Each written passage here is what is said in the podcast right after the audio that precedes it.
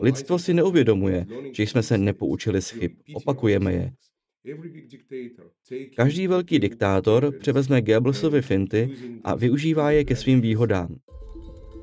Dobrý den, vítám vás opět u našeho pořadu Blesk podcast, kterým vás provází Jiří Marek. Dne 24. února 2022 se změnila tvář celého světa. V ranních hodinách zautočilo Rusko na Ukrajinu. My to vnímáme jako zahájení války, ale můj dnešní host o tom mluví, že válka trvá už od roku 2014. Vítám zde ve studiu režiséra Evgenie Afinovského a přeživší maminku z oceláren Azovstal v Mariupolu Anu Zajcevovou. Dobrý den, hello. Hello. Velmi si vážím toho, že jste přišel do našeho studia. Viděl jsem váš první i druhý dokumentární film Svoboda v plamenech na Mezinárodním festivalu dokumentárních filmů Výhlavy. Ten první film byl o majdanské revoluci a ten druhý, Ukrajinský boj za svobodu, je o ruské invazi. Myslel jste si v roce 2014, že první dokument bude mít pokračování? Ne, Víte, je to zajímavé, protože když jsme točili Zimu v ohni, tak jsme stále pokračovali v natáčení. Stále ještě točíme. Takže jsme pokračovali i v roce 2015, protože pro mě, stejně jako pro mnoho Ukrajinců, byla válka zahájená tehdy. A dokonce jsme o tom psali v dokumentu Zima v ohni. Skutečně zdůrazňujeme, že válečný konflikt začal v tom roce. Ukázali jsme, kolik tisíc lidských životů si válka od roku 2015 vyžádala. Domnívám se, že svět zůstal otupělý a jak si nevnímal skutečnosti, že válka už byla rozpoutaná. A to umožnilo, aby se celá situace v tomto roce vyhrotila do plné invaze a bude eskalovat do třetí světové války. Když jsem skončil, nikdy jsem si nemyslel, že se tam vrátím a natočím další film o Ukrajině. A je zajímavé, jak jsem vždycky říkal. Pro mě to byla první kapitola jejich boje za svobodu a lidé se mě ptali, jestli bude druhá kapitola. Já jsem jim odpovídal, že už ji pravděpodobně nebudu vyprávět já. Ale vidíte, nakonec to začalo letos. A když se to stalo, cítil bych se naprosto nemorálně, kdybych nevyprávěl jejich příběh a kdybych se nevrátil zpět. Doslova jsem odhalil všech těch osm let války světu. Pokoušel se probudit vědomí světa a pokusil se sjednotit planetu kolem Ukrajiny podobně jako jsem sjednotil celý ukrajinský národ. A vzpomenete si, co jste dělali 24. února, kdy válka, jak my její začátek vnímáme, započala? Není to začátek války, ale pouze zahájení invaze. Válka začala dřív. Byl jsem v Los Angeles a byl jsem v kontaktu se všemi svými přáteli na Ukrajině a snažil se pochopit, kde se nacházejí a co se ve skutečnosti děje. Bylo to totiž neuvěřitelné. První den byl totiž plný neuvěření. Snažil jsem se také pochopit, co mám dělat, co my máme dělat, protože můj celý tým z předchozího filmu byl na Ukrajině. Snažil jsem se proto rozhodnout, jestli máme i tyto okamžiky natáčet. Byl to zkrátka první den a panovala nedůvěra. Ano, váš příběh má ohlas po celém světě. Váš manžel Kiril bojoval v Mariupolu v Azostalu. Mezitím jste se schovala do bunkru s šest měsíců starým Sviatoslavem. Jak vy vzpomínáte na svůj 24. únor? Pokud jde o mě, začalo to jako normální den. Byla jsem se svým synem a manželem, který v té době pracoval v azovských ocelárnách v Mariupolu Tehdy již nebyl vojákem. Možná druhý den invaze Rusů jsme se rozhodli jít do krytu v Azovstalu, protože rakety dopadaly poblíž našeho domu. Popravdě řečeno, bylo to... Neměli jsme žádné židle, protože v takové situaci panikaříte a nevíte, co dělat. A možná proto máme za sebou takový příběh, kdy jsem byla 65 dní v úkrytu se svým dítětem. V bunkru pod Azovstalem jste začala natáčet videa, která viděla celý svět. Jak vás to napadlo? Jak jste na to přišla? Nejdřív bych měla říct, že jsme nevěděli, jak dlouho to může trvat. A já jsem začala natáčet, protože jsem nevěděla, jestli potom budu naživu nebo ne. Takže právě proto jsem natáčela videa pro své příbuzné. V naději, že možná kdyby nastala velmi, velmi špatná situace, tak by mohl být můj telefon nalezen a lidé by mohli najít toto video. Ani jsem netušila, že se kvůli tiskovému důstojníkovi Azov Dimitri Kazacký s vojenským jménem Oris tato videa rozšířila po celém světě. Bylo to pro nás opravdu životně důležité. Hmm. Takže po celou dobu jste nevěděla, že celý svět sleduje, co děláte v bunkru se svým synem a s dalšími? Ne, bylo to jako na ostrově, protože jsme neměli žádné internetové připojení. Takže jsem ani nevěděla, co se děje v Mariupolu. Obecně jsem nevěděla, co se dělo ve světě. Na Ukrajině a všechny zprávy, které jsem měla, byly od mariupolských obránců. Ani jsem netušila, že toto video obletí celý svět. Evgenij, ve vašem dokumentu je mnoho drsných obrazů války. Vidíme bombardování budov nebo mrtvé lidi. Jak obtížné pro vás bylo tyto záběry získat? Víte, snažím se kromě toho, že vidíme realitu války, tak mým hlavním snažením bylo ukázat lidskou stránku této války. Myslím tím rizí lidskost. Jak to bylo obtížné? Poslyšte, když jste uprostřed války, tak to pro vás není těžké. Je obtížné zabránit tomu, aby někdo z vaší posádky byl zabit nebo že budete zabit vy sami. Ale víte, ono se to děje všude, takže není problém cítit, ale problém je vůbec zůstat naživu. Bohužel pro Ukrajinu, pro ukrajinský lid je to všude. Nezapomeňte, že jsme si zvykli myslet, že válka a její příkopy, frontové linie nejsou nutné. Tato válka má dvě strany a konkrétně stranu války, pokud jdeme na stranu války, tak bomby padají všude v zemi. Můžete být daleko od frontové linie, můžete být v Kijevě a zažít, jak budova vybouchne přímo před vámi. Můžete být v Lvově, můžete být v Záporoží. Můžete si myslet, že jste daleko od frontové linie a jste v bezpečí, ale nikoliv. Můžete být kdekoliv na Ukrajině a výbuch může nastat přímo před vašima vlastníma očima. Byl jste vy osobně v blízkosti této válečné fronty? Jednou jsem tam byl. Dobře, na druhou stranu vidíme také velkou odvahu obyčejných Ukrajinců. Je nějaký příběh, který vás opravdu zasáhl? Je tu spousta příběhů, které mě zasáhly. Víte, vedl jsem pro tento film rozhovory s více než stovkou různých osobností. A je tu úžasný příběh Stavana, který bojoval na letišti, zajali ho a v ruském úzajetí ztratil jednu svou nohu. Během výměny válečných vězňů se vrátil na Ukrajinu a okamžitě se vrátil do boje. Byl také jedním z bojovníků, kteří v tomto roce osvobodili Uču. To je úžasné pozbuzení mladé generace. Tento člověk ztratil nohu a přesto se okamžitě vrátil zpět na frontu a nadále stojí za svou vlastí. Je mnoho příběhů. V dokumentu také vidíte úžasný příběh Ani a Světa. Vidíte úžasný příběh Dimitria Oresta, který je natáčel v bunkru v Azovstalu a snažil se dostat příběhy do světa aby svět slyšel nevinné hlasy lidí, kteří byli ukryti uvnitř těchto protiatomových krytů v Azovstalu.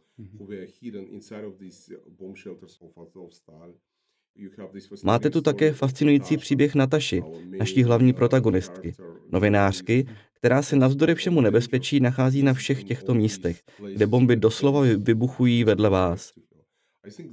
Myslím, že je opravdu hodně příběhů, které vás zasáhnou. Mohl bych o nich mluvit bez přestávky, protože všechny mé postavy jsou pro mě důležité a snažím se jejich hlasy přenést prostřednictvím média a velkých pláten světu. Dávám jim příležitost promluvit ke světu a sdílet svůj příběh. Pro mě je příležitost jako filmař umožnit jim mluvit o jejich zkušenosti, sdílet jejich lidský příběh a probudit svědomí světa. Umožnit obyčejným matkám slyšet, co je válka 21. století. Jaké to je jít spát a každý večer se modlit, aby byl další den a vaše dítě bylo stále naživu. Vidíme porušování lidských práv a proto chci dát lidem příležitost, aby jejich hlasy byly slyšet na hlas.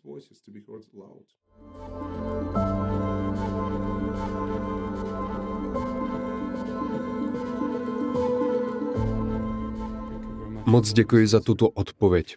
Ano, co si myslíte, že pro vás byl ten nejhorší okamžik v bunkru? Nedokážu říct, který okamžik byl nejhorší, protože každý den byl velmi těžký. Každý den pro nás bylo výzvou zůstat naživu.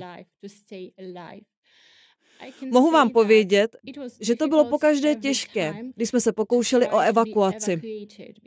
Rusko se totiž vždycky snažilo porušit dohody o příměří, porušit dohody o zeleném koridoru pro civilní osoby. Velmi děsivý okamžik byl, když nám jednou řekli, že existuje dohoda o příměří. Tehdy jsem neslyšela z žádné strany jakýkoliv hluk raket a bomb. Po 60 dnech v azovském úkrytu jsem se proto dostala mimo bunkr a konečně jsem viděla nebe a slunce. Byla jsem opravdu šťastná, ale právě v tu chvíli nás začalo Rusko bombardovat. Pálili střely přímo na náš kryt. Přede mnou byli tři vojáci, já v té chvíli držela dítě. Bylo to velmi děsivé a jen díky azovským vojákům kvůli mariupolským obráncům jsme já a můj syn zůstali naživu. Bohužel, tito tři vojáci, kteří byli přede mnou, byli tehdy zranění.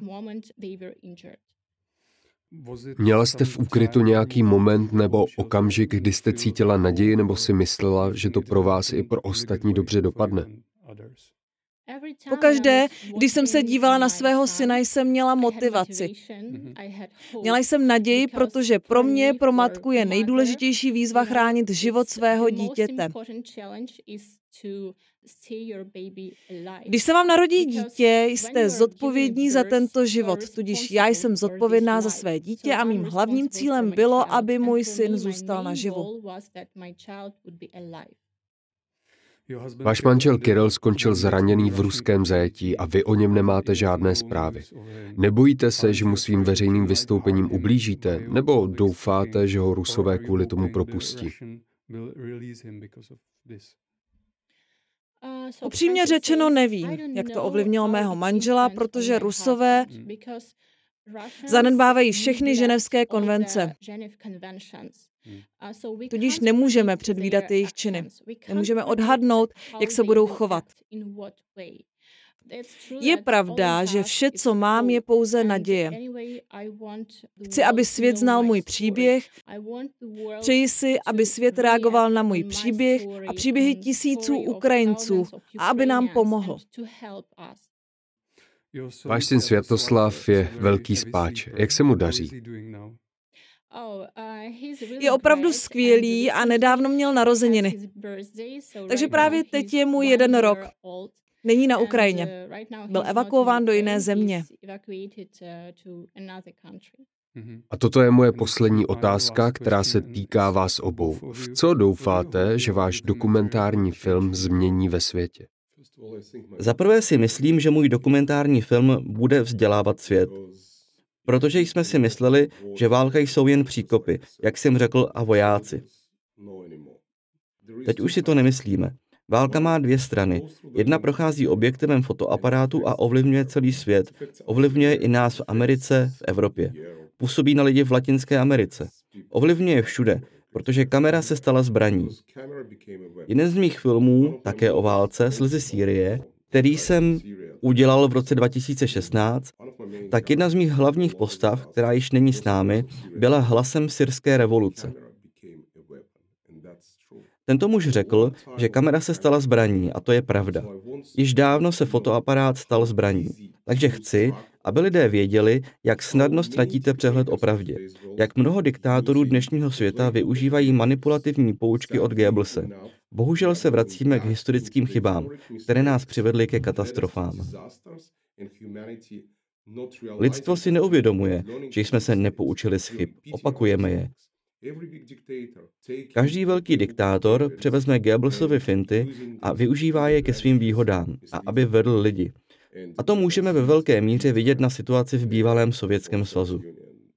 To je jedna strana třetí světové války.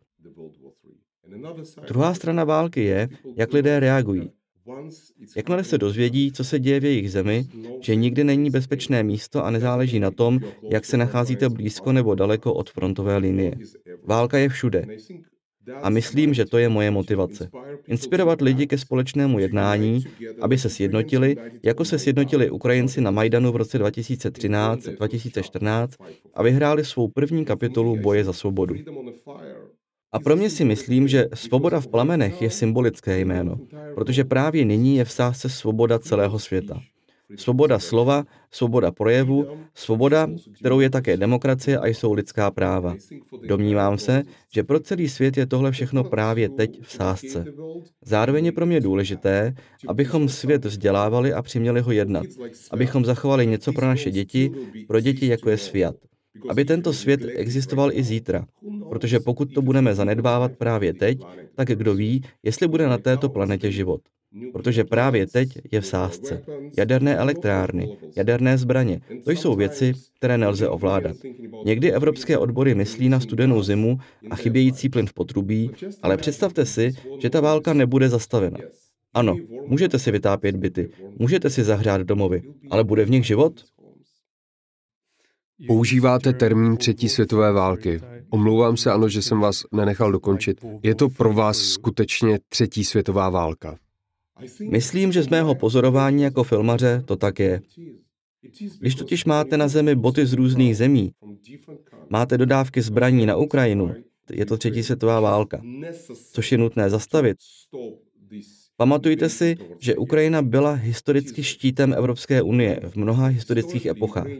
Viděli jste to v mém filmu, kde jsem konkrétně uvedl tuto skutečnost ze 13. století, což si myslím, že je důležité. Každé století zrodí diktátora, imperialistického diktátora. V roce 1812 jsme tu měli Napoleona, který měl stejnou touhu převzít moc nad Evropou. Je to fakt, historický fakt. V roce 1939-1945 máme další osobu, která měla imperialistickou touhu ovládnout Evropu. Právě teď. Toto století nám přineslo dalšího imperialistického diktátora, který se snaží naplnit své ambice, vytvořit impérium. Teď už to všichni chápeme. A konkrétně Československo již mělo svoji zkušenost s Ruskem. Myslím, že mnoho zemí, které s námi sousedí, má tuto zkušenost. Takže si myslím, že každý chápe, že pokud Ukrajinci padnou, chuť na další vítězství se dostaví okamžitě. Takže si uvědomujeme, že to není konec. Konečnou se to stane, až se světa zmocní jakýkoliv diktátor. Proto tomu říkám třetí světová válka. Jakmile jste uvnitř všeho, máte velmi jasný obraz, že se u toho nezastaví. A proto je důležité toto šílenství zastavit. Omlouvám se, ano, že jsem vás nenechal dokončit odpověď. Takže co si myslíte, že tento dokumentární film přinese světu? V co doufáte? Doufám tedy, že tento film uvidí politici z celého světa a pomohou nám dát svobodu zajetým vojákům a zajetým civilistům. Protože v současné době je na svobodě pouze 200 zajatých vojáků z Azovstalu a mnoho jich je stále v ruských věznicích. A my nevíme, v jakých podmínkách je drží. A určitě chci politiky z celého světa poprosit o pomoc v procesu návratu ukrajinských sirotků, kteří byli násilně deportováni do Ruska na Sibiř.